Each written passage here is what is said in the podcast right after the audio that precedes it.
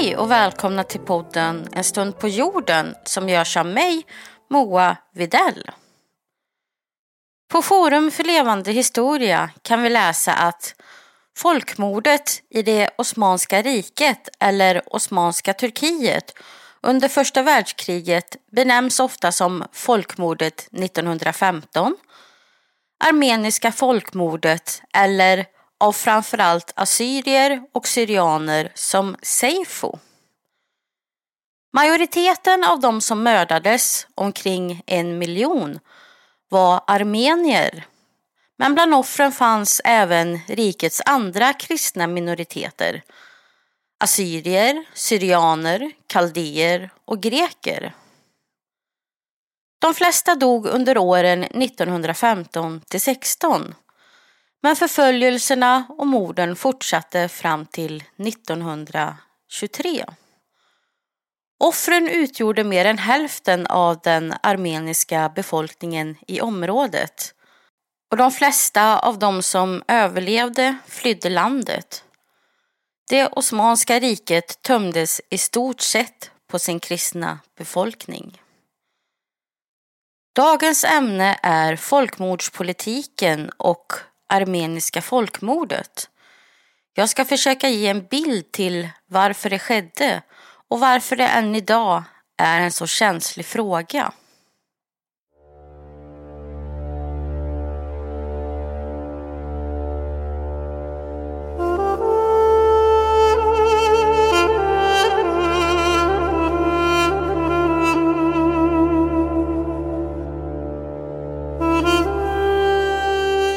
Folkmordspolitiken i det Osmanska riket var inget som plötsligt uppstod år 1915 utan frågan angående armenierna och den kristna minoriteternas vara eller icke vara hade varit en fråga som funnits med i det osmanska medvetandet under en lång tid. En viktig aspekt som blev aktuell i slutet av 1800-talet var huruvida den rådande religiösa acceptansen i det Osmanska riket och dess västerländska förhållningssätt verkligen var framgångsrikt. Det Osmanska riket befann sig vid den här tiden i ett ganska kaosartat tillstånd. Landet hade förlorat flera viktiga landområden och hade fått dra sig tillbaka från många delar av den europeiska kontinenten. Den ekonomiska situationen var svår och det var inte ovanligt att armenier hade ledande positioner inom bankväsendet samt inom handel, vilket gjorde att de som grupp fick ett större inflytande i det ekonomiska samhället. I och med det kom också krav på mer jämställdhet och autonomi. Religion hade inte varit något större problem i landet. Den dominerande muslimska befolkningen och dess ledare tillät de kristna minoriteterna att utöva sin tro mot att de betalade en viss skatt. Trots att den kristna minoriteten hade funnits i området längre än turkarna så hade de en underlägsen ställning i staten. När saker och ting gick dåligt så krävdes det en syndabock. Armenierna ansågs vara mer västorienterade och var därför ett hot. Osmanska riket stod inför ett val. Antingen att ansluta sig till väst med allt vad det innebar eller att sluta sig och bevara ett traditionellt muslimskt rike. Försök gjordes att modernisera landet och år 1878 antogs en ny konstitution där alla religiösa grupper var inblandade. Intentionen var att skapa ett mer enhetligt samhälle och stat där religionen skulle komma i andra hand. Dock så misslyckades detta totalt. Oroligheterna i riket eh, gick inte att lösa med en ny konstitution som för övrigt inte efterhölls alls. Olika uppror avlöste varandra och armenier ställde krav på självbestämmande och utförde aktioner och turkarna utförde dåd mot kristna.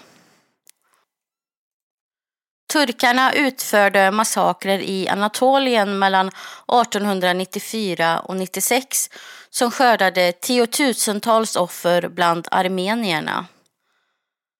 Dessa inre splittringar spädde på oroligheterna i riket och en stark opposition gentemot de kristna blev allt större. Turkarna var tvungna att göra något för att deras rike inte skulle falla sönder. Två ungturkiska grupperingar hade bildats. En som hade ett mål att ena riket med alla religiösa minoriteter och en som ville reformera riket och skapa en nationalistisk gren som ville ha ett rike bara för muslimer, av muslimer, där andra religiösa minoriteter inte fick plats. Till en början hade den mer liberala grupperingen framgång och ett parlament återinsattes år 1908 då den ungturkiska revolutionen skedde.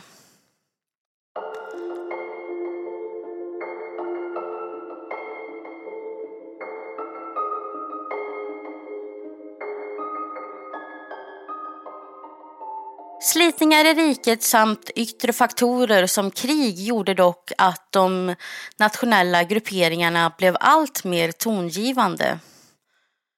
Det Osmanska riket förlorade alla sina europeiska områden vid den här tiden. Och Balkankriget skapade ytterligare oro i regionen.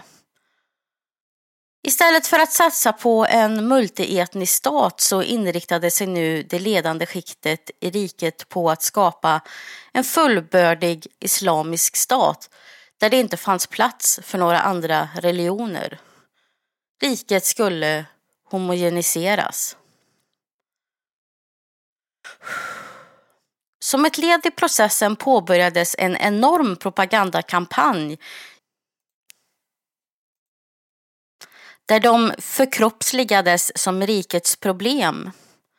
Det var de som splittrade riket, provocerade till aktioner och var anledningen till att riket i största allmänhet hade misslyckats. En klar radikalisering hade skett bland turkarna och manegen var nu krattad. I och med första världskrigets utbrott så blev det Osmanska riket ännu mer desperat i sina försök att ena landet. De gick med på centralmaktens sida med förhoppning att återta tidigare förlorade landområden men istället så fick de avstå egna landområden som Ryssland tog. Med bakgrund av det här så började Osmanska riket sakta men säkert sitt folkmord på armenierna och andra kristna minoriteter. För de var ju ett hot enligt turkarna. Först så fick armenierna i det osmanska armén inte bära vapen till att sedan helt sättas ur tjänst. Armenierna började förföljas och mördas och deporteras under 1915. Och det här var en systematisk utrensning där målet var att förinta dem. Dödsmarscher ute i öknen hade som mål att människor skulle dö på vägen av umbäranden, svält och våld. Likaså när de deporterades fanns det ingen intention att ge armenierna varken mat eller medicinsk hjälp. I flera fall så skedde det avrättningar direkt på plats. Kvinnor, barn, män och gamlingar blev alla offer. Utrensningen skedde på såväl lokal som högre nivå. Armenier som tidigare hade varit högt uppsatta samt religiösa ledare dödades också. Ofta så utfördes dödandet av armén men den lokala muslimska befolkningen hjälpte också till. Under dessa fasansfulla år så pågick tvångsdeportationer och avrättningar och massaker och en framkallad hungersnöd. Man kunde också se hur människor föstes in i byggnader som man sedan stängde och satte eld på. Många dränktes också i floder och flera dog av hunger och törst. Något som också var vanligt var att eh, kvinnor våldtog och eh, fördes bort och såldes som slavar. De här kvinnorna och deras barn tvångskonverterades till islam också. Och vissa av de här barnen de togs ifrån sina föräldrar och sattes i uppfostring hos muslimska familjer. En liknande händelse som vi har sett och ser i dagens Syrien. Det var också viktigt att utplåna armeniernas kultur. Man förstörde byggnader och kyrknader. Man bytte ut gatunamn och andra monument som kunde påvisa deras historia. De dödade armeniernas egendom konfiskerades och deras ägodelar spriddes ut till den muslimska staten eller soldater. Det här var en fruktansvärd händelse som skedde i skymundan till första världskriget. Den turkiska armén kunde jobba i skymundan och var kanske inte riktigt den första prioriteten när väst vände sin blick emot Turkiet och det Osmanska riket. Men det fanns ändå kännedom om vad som hände.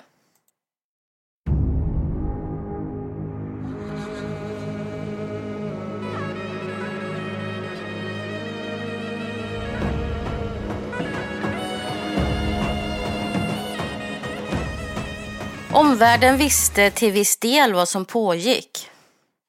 Flera diplomater och missionärer gav ögonvittnesrapporter i både europeiska och amerikanska tidningar.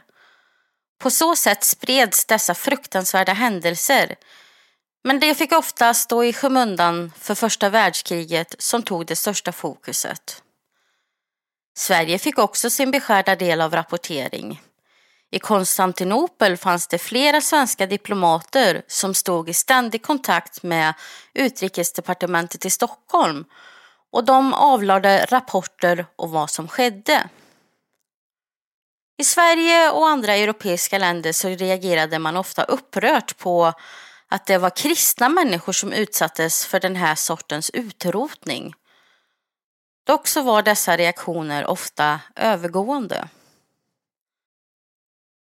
Vid första världskrigets slut år 1818 och år 1919 när fredsfördraget skrevs på i Versailles fanns det en övervägande positiv inställning till att skapa en självständig armenisk stat. Men dessa tankar var också övergående. Likaså offrens lidande. Det planerades eh, rättegångar mot de ansvariga för folkmordet men flera av de här rann ut i sanden och de genomförde bara några få stycken. Tre stycken män blev fällda. Talat Pasha, Jemal Pasha och Enver Pasha som tillsammans organiserat både krigsinsatser och folkmord. Dock så var de inte närvarande vid rättegången och dömdes i sin frånvaro till döden. Dock så mötte de sina banemän på ett annat sätt. Genom att bli dödade av armeniska hämnare. De flesta som deltog i folkmordet straffades inte alls och det här är fortfarande ett öppet sår för flera armenier och de grupper som utsattes för folkmordet.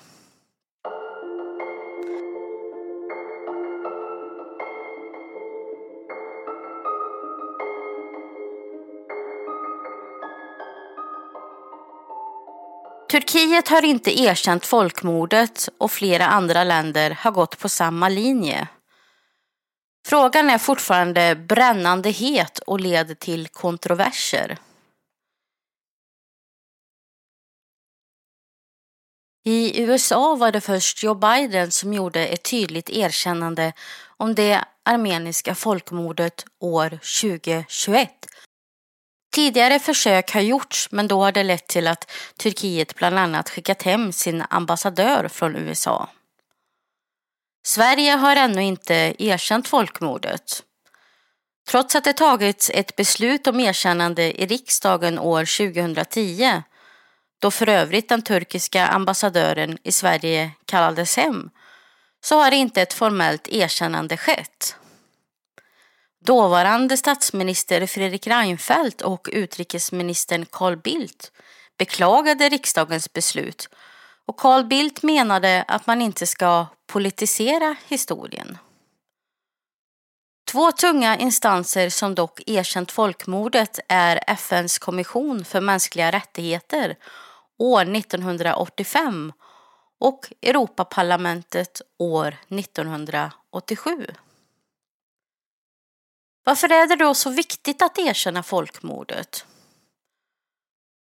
På hemsidan folkmordet1915.se som är framtagen av armenica.org i samarbete med Armeniska riksförbundet i Sverige för spridandet av information om folkmordet 1915 i Osmanska Turkiet som drabbades armenier, assyrier, kaldéer och anatoliska och pontiska greker kan man läsa följande text, vilket jag anser vara en bra sammanfattning. Först och främst är det självklart avsaknaden av ett officiellt erkännande som skulle ha påbörjat det behövda försoningsarbetet som uteblivit. Sedan gäller det att folkmord, i likhet med den mer generella brottsrubriceringen brott mot mänskligheten, inte har någon preskriptionstid. Inom internationell rätt vilket innebär att vid ett erkännande så skulle Turkiet bli ersättningsskyldigt. Det är just denna oro för erkännandets konsekvenser som ligger bakom Turkiets ihärdiga förnekelse. Trots att det har gått så pass lång tid sedan folkmordet. Det ironiska med folkmordet 1915 är det faktum att frågan tvärt vad förnekelsesidan vill ge sken av, verkar snarare ha ökat i magnitud ju längre vi har kommit ifrån händelserna än att falla i glömska. Med den utökade forskningen och ansamlingen av nya bevis samt informationstillgängligheten, bland annat via internet, som har resulterat i en öppnare debatt i Turkiet, har frågan växt allt större, både inom Turkiet såväl som den internationella arenan under de senaste tre decennierna. Fortsättningsvis kan man läsa på deras hemsida Forum för levande historia är en myndighet som har uppdraget att med utgångspunkt i Förintelsen arbeta med frågor som rör tolerans, demokrati och mänskliga rättigheter. Genom att belysa de mörkaste delarna av mänsklighetens historia vill vi påverka framtiden. Så lyder beskrivningen av en myndighet som arbetar på svenska regeringens uppdrag och utbildar om bland annat folkmordet 1915. Historiens läxa är en av hörnstenarna i dagens demokratier där man lär sig av sina misstag och genom förebyggande av upprepningar av tidigare fel strävar man mot en bättre framtid. Med en förebyggande av framtida felsteg, i synnerhet om dessa är kända från historien, kan inte tillämpas om man inte är öppen för erkännande av dessa begångna fel. Ännu mindre om man medvetet väljer att blunda för dem. Historierevisionism är därför ett farligt verktyg för underlättandet av upprepning av historiens mörka sidor. En fortsatt förnekelse av folkmordet 1915 En fortsatt förnekelse av folkmordet 1915 gör faktiskt till ett lyckat folkmord där de skyldiga kom undan med inte endast själva utrotningen av de önskade elementen i Turkiet utan även med utraderingen av deras minne. Därför är det faktiskt viktigt att erkänna folkmordet 1915 även om det har passerat snart 100 år. Slutcitat.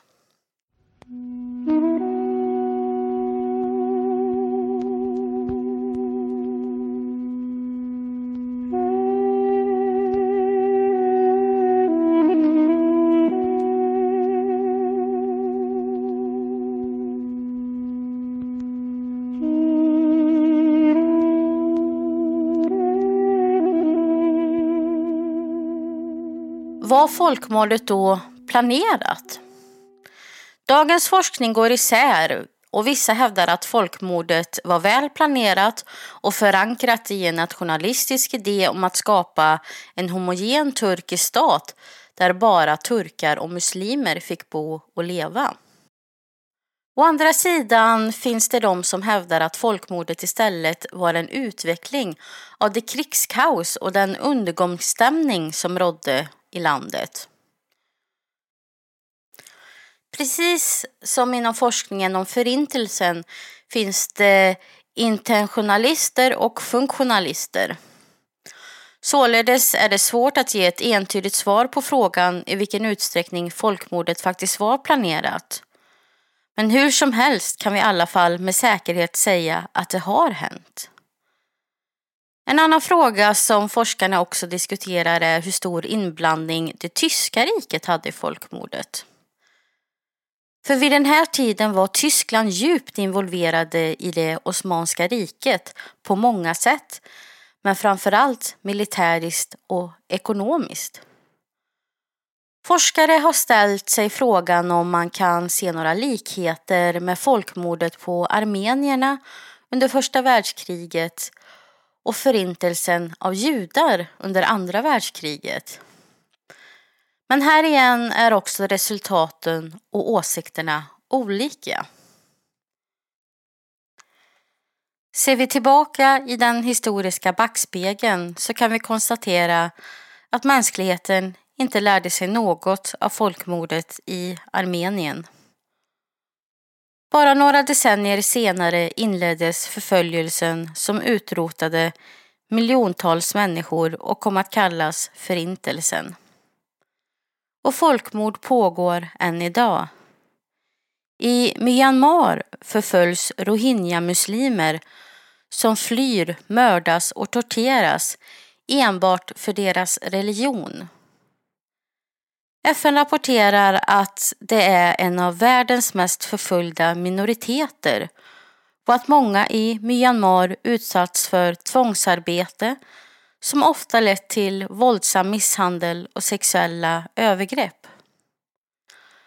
Likaså anses IS begått folkmord gentemot yazidier, syrianer, assyrier, kaldéer och armenier. Mänskligheten är inte immun mot folkmord och krig. Men genom att uppmärksamma och arbeta mot de drivande krafterna som främjar dessa händelser finns det en chans att minska riskerna. Forskning visar på att det sällan är de stora händelserna som är avgörande utan de som sker i vardagen. Till exempel hur man uttrycker sig om en grupp människor. Att vissa små regler antas. Att det kanske bara är vissa människor som är välkomna till olika platser. Eller för den delen till ett visst land. Den här frågan om vilka krafter som ligger bakom ett folkmord kommer jag att diskutera mer i ett framtida avsnitt.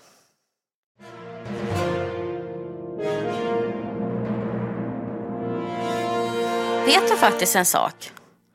En gång i tiden attackerades den berömda erövraren Napoleon Bonaparte av kaniner. Kejsaren hade begärt att en kaninjakt skulle ordnas för honom och hans män.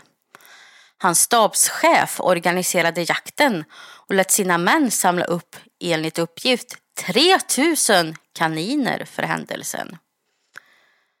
När kaninerna släpptes ur sina burar var jakten redo att gå igång. Det var åtminstone planen. Men kaninerna stormade mot Bonaparte och hans män i ett ilsket och ostoppbart angrepp. Och vi fick lära oss att Waterloo var erövrarens största nederlag. Tack för att ni lyssnat på veckans avsnitt och jag hoppas att vi hörs snart igen.